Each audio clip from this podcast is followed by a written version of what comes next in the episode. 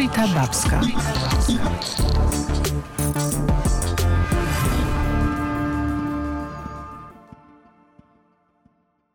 Witam Państwa w podcaście Rzeczpospolita Babska. E, dziś będziemy rozmawiać m.in. o tym, jak pomagać w piękny i przemyślany sposób.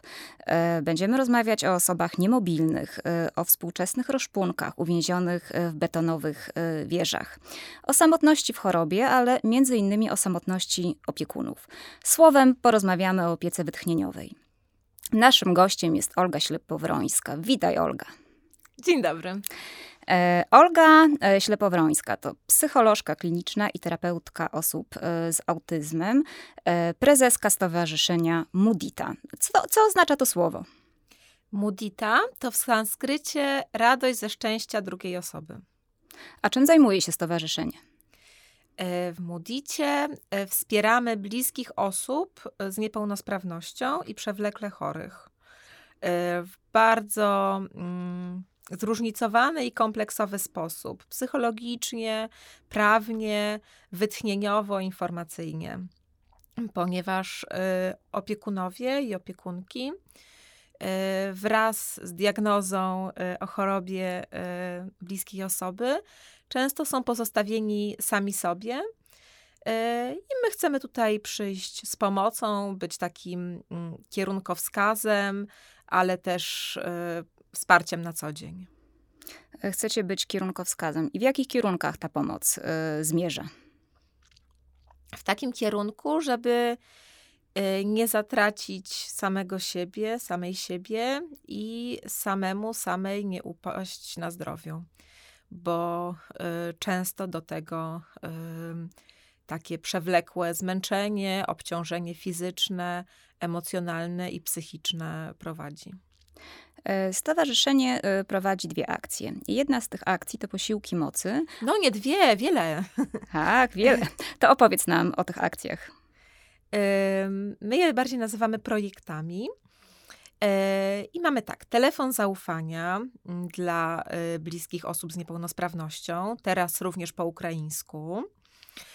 Grupy wsparcia online dla mam i dla ojców, turnusy wytchnieniowe, spa latające, z którym docieramy do domów i masażyści, fryzjerki, no, rozmaite osoby opiekuj, zajmujące się ciałem y, przyjeżdżają i bezpłatnie dbają o, y, o opiekunów, opiekunki. Y, posiłki mocy, o których będziemy rozmawiać. E, czyli docieranie z e, paczkami żywnościowymi do osób niemobilnych. Mamy też 007, e, czyli można do nas napisać z każdą sprawą, każdym problemem i również prawnym, bo takich tematów bardzo wiele się pojawia, kiedy, kiedy jest ta niepełnosprawność w rodzinie. E, no i teraz mamy bardzo, bardzo wiele e, spraw e, związanych z Ukrainą. Robiliśmy ewakuację osób z niepełnosprawnością z Odessy. Obecnie otwieramy dwa punkty recepcyjne dla osób z niepełnosprawnością z Ukrainy i dla ich rodzin dostosowane do wszelkich y, potrzeb. Taki, będzie tam zatrudniony tłumacz języka migowego, y, dostosowanie do wózków, pokój wyciszeń dla osób z autyzmem. Mm. Y, I także przydzielamy asystentów osobom z Ukrainy z niepełnosprawnościami, tak żeby pomóc się tutaj odnaleźć w Polsce. A dużo jest takich osób z Ukrainy z niepełnosprawnościami? Ogromnie dużo. E, ogromnie przez y, pierwszy miesiąc y, trwania wojny, póki y, dopiero tworzyłyśmy system, w którym będziemy działać. No to ja o trzeciej w nocy odbierałam telefony, że nie wiem, nagle w Rzeszowie jest 60 osób na wózkach i muszą gdzieś spać. Albo. Mm, mm, no, całkowicie tak nagłe, często bardzo skomplikowane historie, zarówno z ewakuacjami, jak i później odnalezieniem się tutaj, no bo mm, i osobom na wózkach często trudniej jest znaleźć miejsce, w którym mogłyby mieszkać, a osobom z niepełnosprawnością intelektualną czy ze spektrum autyzmu e, często mimo, że tych takich architektonicznych, e, architektoniczne problemy nie byłyby trudnością, to jest jeszcze trudniej. Osoby z autyzmem e, będzie im szalenie trudno na wielkich halach. Mało kto się odważy zaprosić takie osoby do domu. A my na przykład pomagaliśmy rodzinie zastępczej, której było sześcioro takich dzieci, tak, z autyzmem. E, więc no tak jak e, no bardzo, bardzo wiele osób takich dociera. E, I jeszcze jest tak, że wojna również nasila rozmaite objawy. Wojna i stres z nią związany sprawia, że e, ujawniają się rozmaite choroby psychiczne. No więc tych osób jest naprawdę dużo. A kim są, kim są asystenci? Czy asystenci są wolontariuszami? Tak, tak, tak, tak. Asystenci są wolontariuszami. E, najczęściej to są dwie osoby, jedna z językiem ukraińskim, druga z polskim, które pomagają tutaj w, odnaleźć się w tej polskiej rzeczywistości.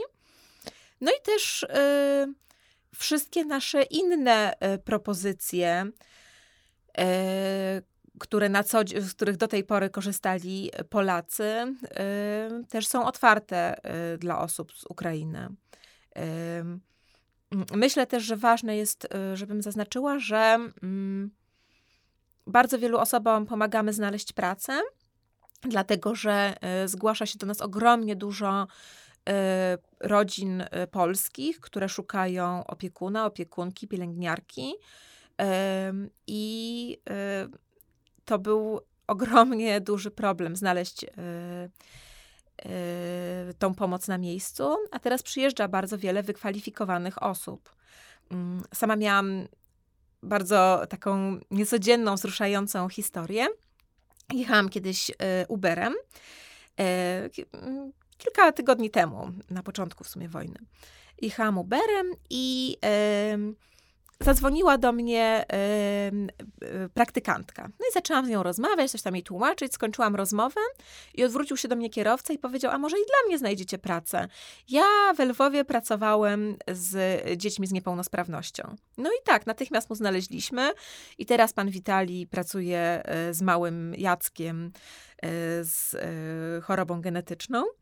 Mm, ale no takich historii jest znacznie, znacznie więcej i myślę, że będzie ich jeszcze e, bardzo wiele. Rzeczpospolita Babska. Babska. Olga, a jak pomagać w mądry sposób? Przede wszystkim najważniejsze jest e, poznanie dokładne potrzeb i nie samemu wymyślanie, co byłoby przydatne, tylko sprawdzenie i y, tych potrzeb i korzystanie z doświadczeń również w pomocy osób, y, które doświadczyły takiej sytuacji albo jej doświadczają. Mm, to jest y, no, takie absolutna, absolutna podstawa, która niestety nie jest oczywistością, bo często w pomocy zakładamy, co będzie przydatne.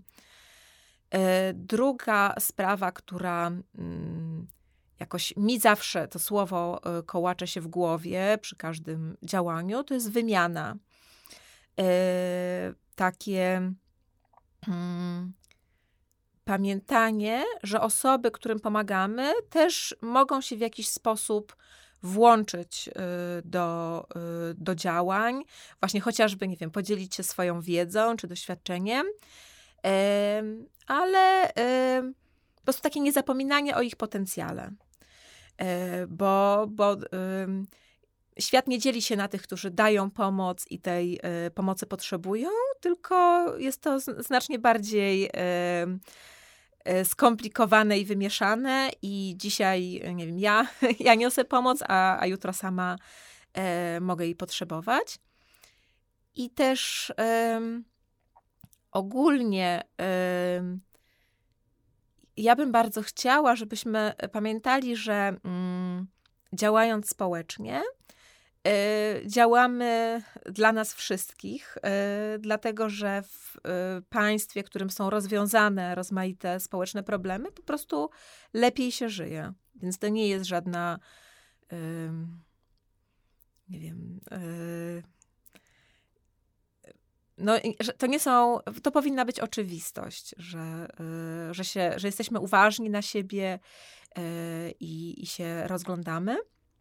Akurat w naszym wypadku to wsparcie opiekunów i opiekunek wynika z takiej ogromnej dziury w systemie. Osobom, osoby z niepełnosprawnością mogą skorzystać z rozmaitego wsparcia, natomiast opiekunowie przez wiele lat byli zapomnieni, niewidziani. Y, I, no i właśnie sami podupadali na zdrowiu, y, sami zaczynali y, gorzej funkcjonować poznawczo, bo bardzo ciężko się tak y, być w ciągłej uwadze na kimś innym. To też bardzo wyszło przy mm, protestach w Sejmie 4 lata temu. Tak, wtedy pamiętam, że y, matkom zarzucano, że mają pomalowane y, tak. paznokcie, co po prostu jest jakimś absurdem. Tak jakby opiekun nie miał prawa do własnego życia. Dokładnie, dokładnie. takie dwa stereotypy pokutują odnośnie opiekunek. Mm, jeden to, że to jest jakaś patologia, że no taka, taka niezauważana patologia, jakby w ogóle lepiej, że same sobie jakoś ten los zgotowały. A drugi stereotyp to, że to są supermenki, anielice, ym, takie żywe święte, y, które jakby tylko, jakby mają jakieś nadludzkie siły i powinny y, i, I, tylko żyją y, zdrowiem tej bliskiej osoby. No i często niestety tak jest, że, że cała energia się skupia na tym zdrowiu, ale tak wcale nie powinno być. bo to jest szalenie obciążające i oba te stereotypy są bardzo szkodliwe. Ten pierwszy, y, no po prostu jest niesprawiedliwy, a drugi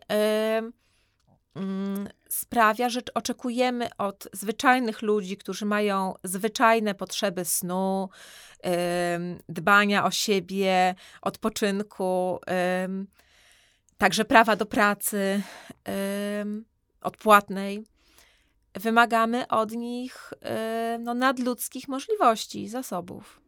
Ale też często jest tak, że od takich y, ludzi, w momencie, gdy pojawia się choroba, odwracają się znajomi, rodzina, te osoby pozostają same, czyli taka samotność w chorobie i to nie własnej, a na przykład własnego dziecka, tak? Tak, to prawda, no bo bardzo trudno jest pielęgnować więzi społeczne, mm. kiedy nie śpimy trzecią dobę, dobę, bo czuwamy przy dziecku czy przy innej bliskiej osobie, bo przecież y, niepełnosprawność może się zdarzyć również, nie wiem, naszemu partnerowi, partnerce, ojcu, matce, y, rodzeństwu. E, trzecią dobę, tak, bo ma na przykład ataki padaczki.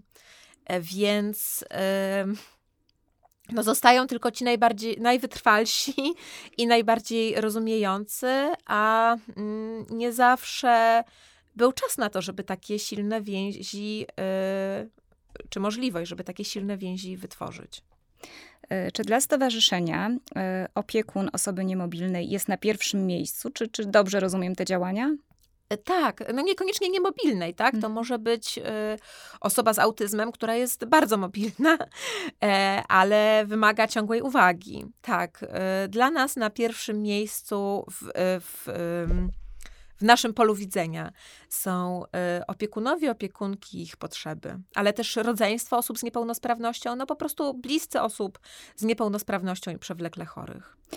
A jakie to są potrzeby? Bo y, wiadomo, że są to potrzeby finansowe, bo bardzo często takie osoby nie mają możliwości podjęcia pracy. Często rezygnują z tej pracy, żeby opiekować się, y, nie wiem, swoimi dziećmi, mężem, y, rodzicami. Czy to są takie potrzeby, nie wiem, rozmowy z wolontariuszem, który przychodzi do nich? O właśnie, przypomniałaś mi o, że mamy jeszcze sieć wolontariatu wytchnieniowego. Te potrzeby są bardzo różne. W zależności do którego projektu zgłaszają się do nas opiekunowie, no to z nich chcą korzystać, tak? My nie udzielamy wsparcia finansowego, ale dbamy właśnie o wytchnienie, o pomoc informacyjną i o pomoc psychologiczną.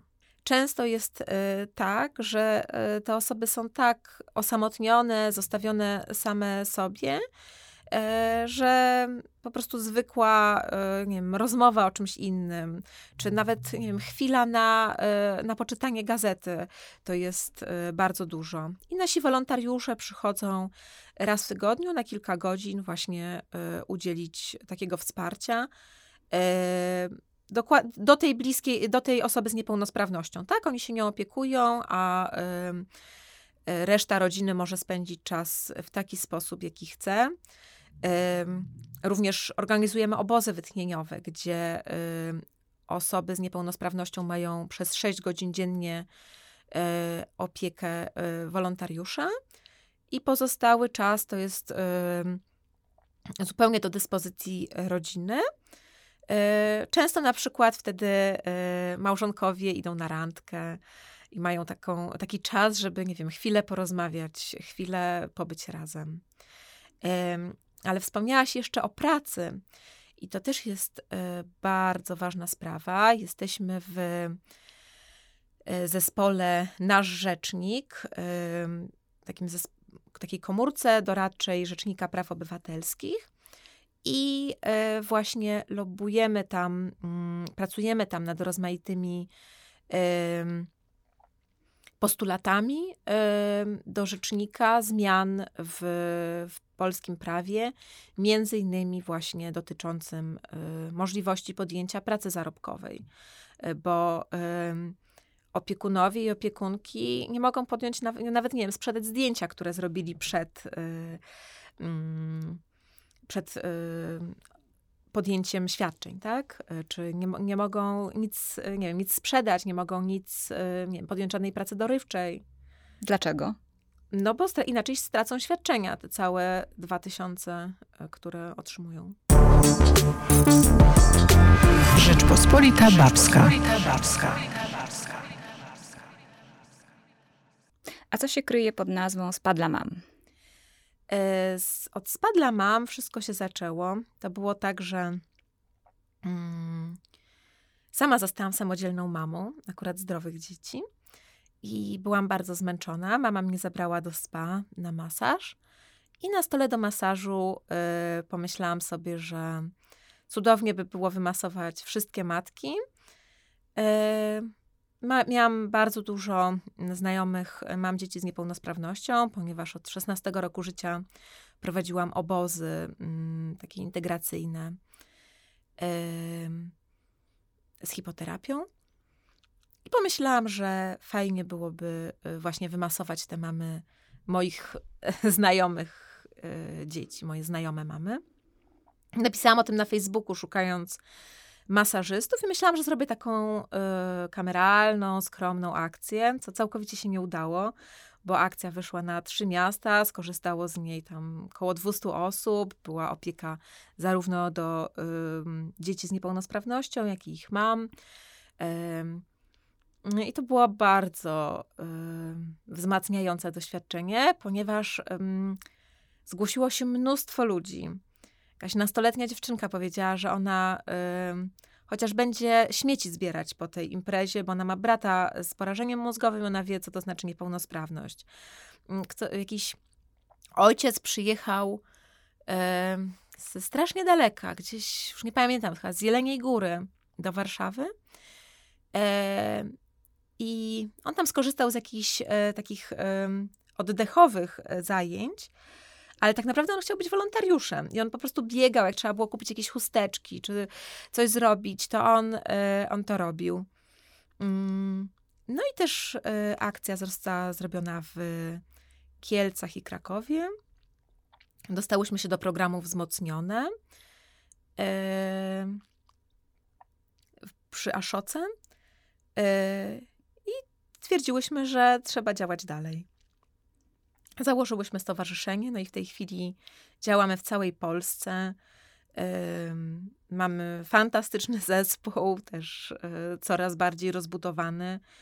No i ta praca w Moody'cie się stała no, takim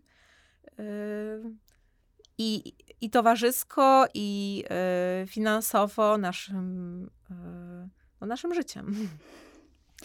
E, opowiedz nam o posiłkach mocy. Na czym, na czym polega ten projekt? E, posiłki mocy powstały trzy lata temu. Moja przyjaciółka Kasia e, miała mamę chorą na stwardnienie zanikowe boczne. I tak jak ta mama zachorowała, yy, tak w ciągu kilku dosłownie tygodni straciła mm, władzę w nogach, w rękach, w końcu musiała być podłączona do yy, respiratora. Yy, I mm, nie było miejsca w hospicjum, yy, ale też Kasia nie chciała gdzieś jej, nie wiem, oddawać daleko. I no i taka unieruchomiona została w swoim mieszkaniu razem z Kasią. I Kasia nie mogła wyjść, nawet wyrzucić śmieci, ponieważ przy tej mamie trzeba było cały czas czuwać. Nagle z, mama z bardzo aktywnej osoby stała się sparaliżowana, ale i Kasia z y, osoby, która jeździła po całym świecie i prowadziła bardzo takie bogate życie y, w atrakcje, nagle, e, no po prostu e, jak roszpunka została uwięziona na ósmym piętrze w bloku, w maleńkim mieszkanku. Ale Kasia jest niesamowita i zaczęła zapraszać cały świat do tego mieszkanka. Bardzo otwarcie mówiła, że potrzebuje pomocy. Zapisała się na Workaway, taki portal, gdzie można pozyskać wolontariuszy, i przyjeżdżali do niej wolontariusze z całego świata. Mm, i spali po prostu w drugim pokoju. Mm. No i ja też odwiedzałam Kasię. No, jest moją przyjaciółką, więc to było oczywiste. Kasia często mówiła o tym, że tak najbardziej to ona by chciała, żebym jej przyniosła jakiś świeżych owoców, bo ona dostawała z opieki społecznej produkty, ale to były suche rzeczy, tak? Jakieś, yy, Kasia jest wegetarianką, a tam często było mięso, jakieś suche makarony, a tuż pod domem Kasi jest bazar, na którym no same wspaniałości, świeże i pyszne. I ja e, zawsze jak do Kasi wpadałam, no to kupowałam no to truskawki, a to marchewki. I też widziałam, ile tych warzyw i owoców i ogólnie jedzenia się marnuje że bardzo często całe łubianki wiem, malin y, są y, wystawiane, no bo nie wiem, jest piątek i one by nie przetrwały do poniedziałku. Y, I mm, czy nie wiem, całe kontenery awokado, tak? I to jest dramat, no bo to awokado musiało przylecieć z daleka, trzeba je było w wcale niełatwy dla przyrody sposób wyhodować. No a potem ono ląduje w śmieciach. I zaczęłam ratować to jedzenie.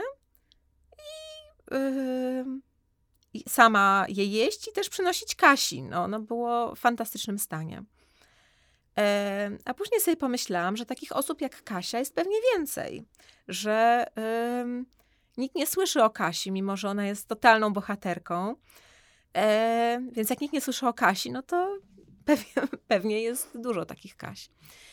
I napisałam, że na Facebooku że chce ratować jedzenie i właśnie zawozić je osób, y, osobom niemobilnym i ich bliskim. I tak się ta akcja rozkręciła, zaczęła rozkręcać, rozkręcać, rozkręcać.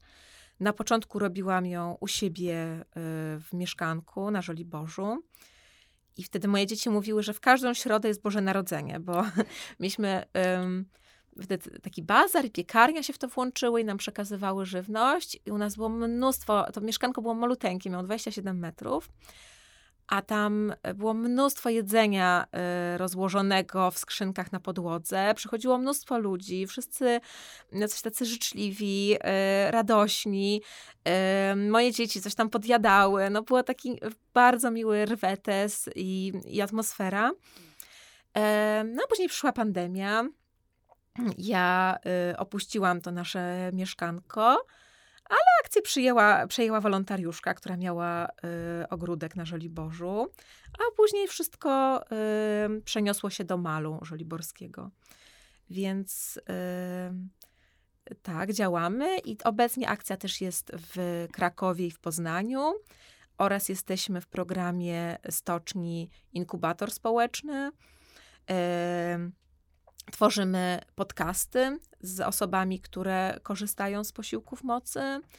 E, powstał manual, manual dla innych osób, które chciałyby stworzyć e, posiłki e, w swoim mieście. Mm, no i wszystko trwa. A powiedz, czy my Polacy chętnie pomagamy? Czy chętnie włączamy się w takie akcje? Hmm. No, teraz ta sytuacja e, z wojną na Ukrainie pokazuje, że tak. Myślę, że my, mm, że my o sobie często źle myślimy i że mm, wiele osób faktycznie ma takie poczucie, że jesteśmy jakoś nie wiem, biedniejsi niż inne kraje i że, że nie możemy się, nie wiem, zaangażować w wolontariat, ale jeżeli to nie jest nazwane wolontariatem, to, to wiele osób y, rzeczywiście y, pomoże. Mało jest takiego systemowego myślenia o tym, tak? Takiego. Mm, traktowania pracy społecznej nie jako jakiś taki komunistyczny, nie wiem, wymysł, y, czy, mm, czy fanaberię, nie wiem, osób y, wysoko sytuowanych, tylko jako coś oczywistego. Ale, ale myślę, że Polacy są życzliwi, że jest takie e, piękne słowo, które już trochę odeszło do lamusa, to łoka. To była jakaś taka praca spa- całej społeczności na czyjąś rzecz. I, mm, no i, i pandemia pokazała, że, e, że umiemy, i teraz wojna, czyli w tych sytuacjach kryzysowych e, naprawdę nie jest najgorzej. A jak trafiają do stowarzyszenia rodziny potrzebujące pomocy?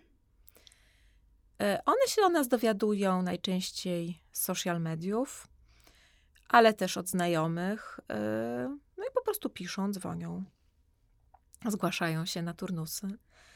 E, wszystkich serdecznie zapraszam na kontakt małpa stowarzyszeniemudita.pl.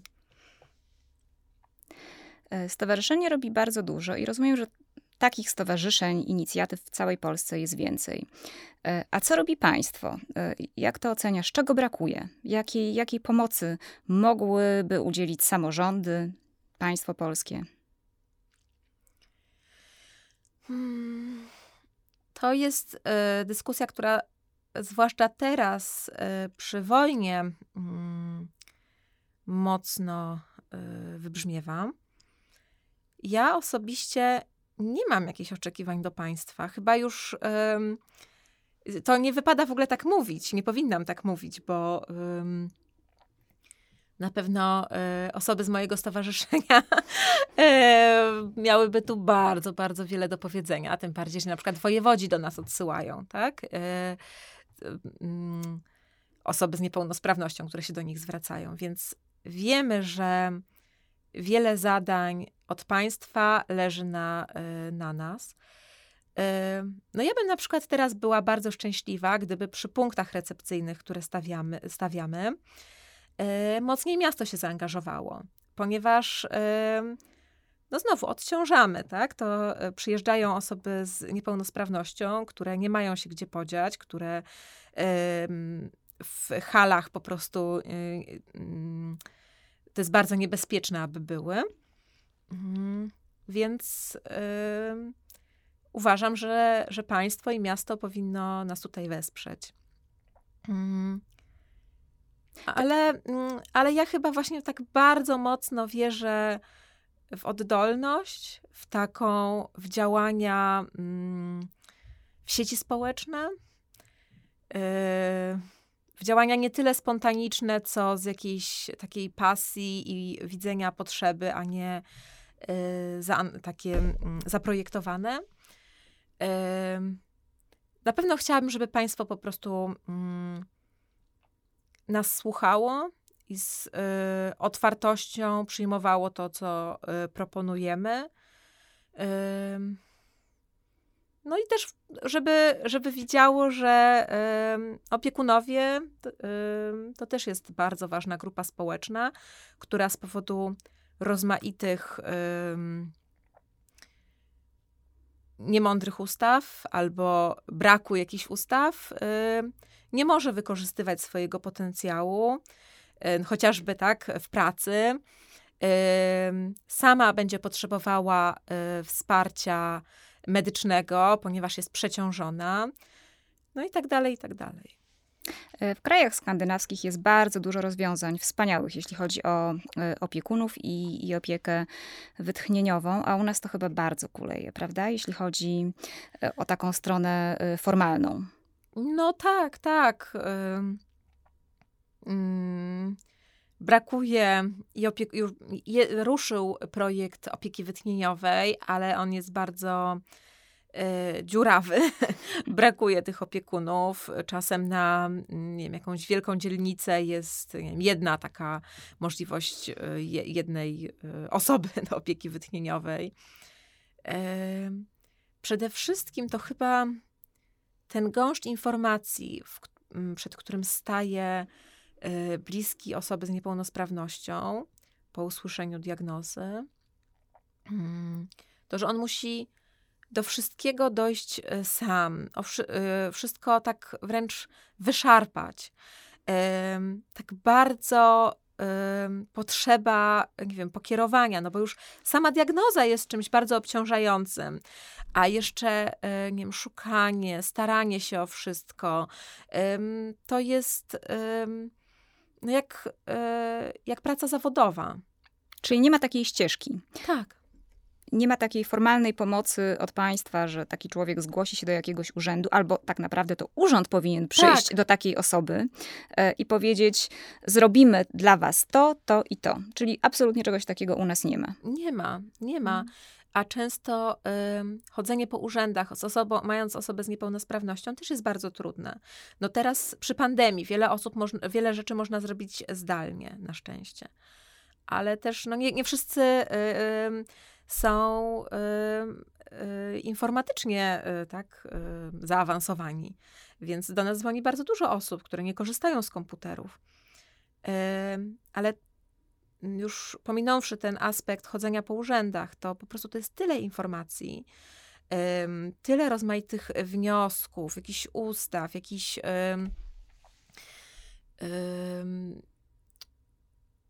rozmaitych kruczków, w których te osoby po prostu często się gubią. Tak, biurokracja u nas y, szaleje i nadal jest w pełnym rozkwicie.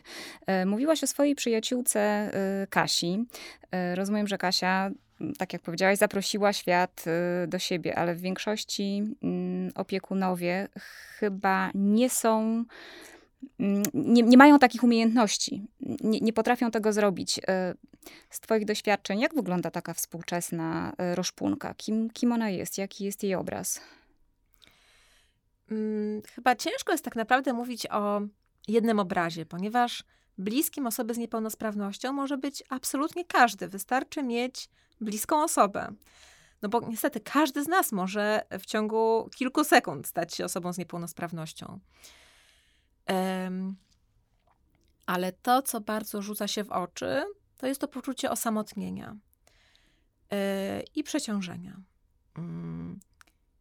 I Kasia rzeczywiście ma niesamowite kompetencje yy, i zasoby mm, po to, żeby sięgać po tą pomoc, ale i ona była szalenie przeciążona. U niej y, opieka nad mamą, która niestety rok temu zmarła, zakończyła się y, bardzo dużymi problemami z kręgosłupem. No tak, przeciążenie, ogromne zmęczenie, często depresja, również zubożenie, tak jakby zejście na znacznie, znalezienie się znacznie gorszej sytuacji y, finansowej. To jest, to jest obraz roszpunek, ale one są bardzo rozmaite. Mają często nawet po diagnozie, tak, realizują swoje pasje. Są są wspaniałymi, kreatywnymi ludźmi, bardzo obciążonymi i zmęczonymi. Olga, co może zrobić każdy z nas? Nie wiem, rozejrzeć się dookoła, yy, sprawdzić, czy sąsiedzi nie potrzebują pomocy? Jak to zrobić? Od czego zacząć, żeby pomagać innym? Tak. Moim zdaniem najważniejsze jest właśnie rozglądanie się i uważność na innych, E, I to nie muszą być osoby z niepełnosprawnością lub ich e, bliscy, ale no ja jestem akurat na te osoby szczególnie wyczulona. Na pewno mamy nie wiem, sąsiadów, którzy są na przykład starsi i zwykła herbata z nimi może być dla obu stron bardzo satysfakcjonująca. Ale jeżeli mamy w naszym otoczeniu jakąś rodzinę, w której jest osoba z niepełnosprawnością, to wyjście y, do nich, nie mówienie, no jakbyście czegoś potrzebowali, to się odezwijcie, bo to nie działa, tylko zaproponowanie, że, że zajmę się tą osobą, jeżeli macie kompetencje, albo nie wiem, nawet zamówienie im obiadu. Po prostu takie mm, pokazanie, że ich widzimy, że doceniamy ich ogromną pracę. Mm, też y, często mamy, z którymi pracuję psychologicznie, y, mówią, że dla nich bardzo trudne jest to, że one widzą postępy swojego dziecka, widzą, jaka to jest ich tytaniczna y, praca, ale też mm, tego dziecka. Mm, a cały świat wokół widzi tylko ułomność tego dziecka. I takie dostrzeżenie tych, e, tych sukcesów, takie cieszenie się razem z rodzicami, e, z, też dostrzeżenie czegoś innego niż, niż choroba, tak, że ta osoba, nie wiem, e, pięknie się śmieje albo no każdy z nas nie jest, nikt z nas nie jest wyłącznie chorobą, brakami i tak dalej. Dlatego mówimy, nie mówimy już osoba niepełnosprawna, tylko osoba z niepełnosprawnością, bo to jest jedna z wielu, wielu cech. I takie dostrzeżenie też tej osoby mm, jest i dla tej osoby ważne, ale również dla jej opiekunów. Drodzy Państwo, bądźmy zatem uważni. Olga, bardzo dziękuję Ci za rozmowę. Dziękuję. E, a Państwa zapraszam na Kongres Zdrowia Kobiet i na spotkanie z Olgą 27 maja oraz 28 maja. Do usłyszenia, do zobaczenia. Do usłyszenia. Rzeczpospolita Babska.